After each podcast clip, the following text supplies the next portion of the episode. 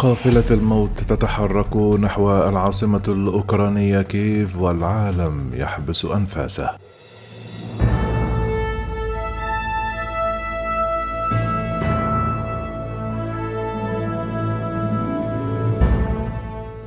بعد توقف دام أسبوعين رصدت صور التقطتها الأقمار الاصطناعية تحرك القافلة الضخمة من القوات الروسية شمالي العاصمة الأوكرانية كييف.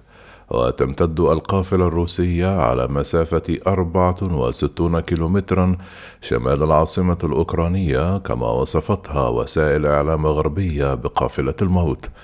تظهر الصور أن القافلة التي كانت متوقفة شمال كييف لمدة أسبوعين نتيجة مشكلات في الوقود والنواحي اللوجستية وتعرضها لهجمات بدأت في التحرك صوب العاصمة الأوكرانية.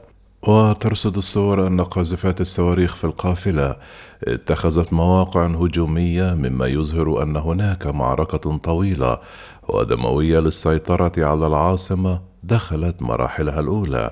كما رصدت الصور آليات عسكرية أخرى في القافلة طوارت داخل مناطق مدنية وغابات لتجنب الهجمات الأوكرانية. وتهاجم القوات الروسية كييف من جهات الشمال والغرب والشرق بحسب ما يقول القادة الأوكرانيون كما ذكرت صحيفة ديليمير البريطانية التي وصفت القافلة الروسية بقافلة الموت بأنه يمكن أن تخضع كييف لحصار روسي قريب لتواجه مصير مدن أخرى مثل ماريبول وخرقيف وسومي التي تعاني من انقطاع المياه والكهرباء منذ أكثر من 11 يوما.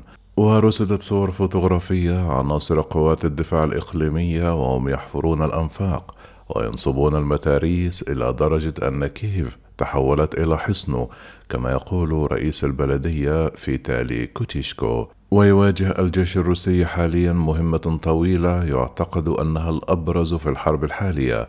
وهي الاستيلاء على العاصمة كييف وإطاحة حكومة الرئيس فلاديمير زيلينسكي وتنصيب حكومة موالية لموسكو. تكهنت المخابرات الغربية في السابق بأن القافلة ربما كانت تحاول تطويق كييف من أجل وضع المدينة تحت الحصار وقطع الإمدادات عنها. وبحسب تقارير غربية فإن القافلة الحربية الروسية انطلقت من بيلاروسيا وشقت طريقها جنوبا نحو كييف لكن تقدمها تعثر نتيجة نقص في الوقود والغذاء. ذكر مسؤولون أمريكيون أن القوات الأوكرانية استهدفت القافلة بصواريخ مضادة للدبابات، وذكر هؤلاء أن القوات الأوكرانية تستهدف القافلة بنيران أرضية، بما في ذلك من صواريخ جافلين المضادة للدبابات.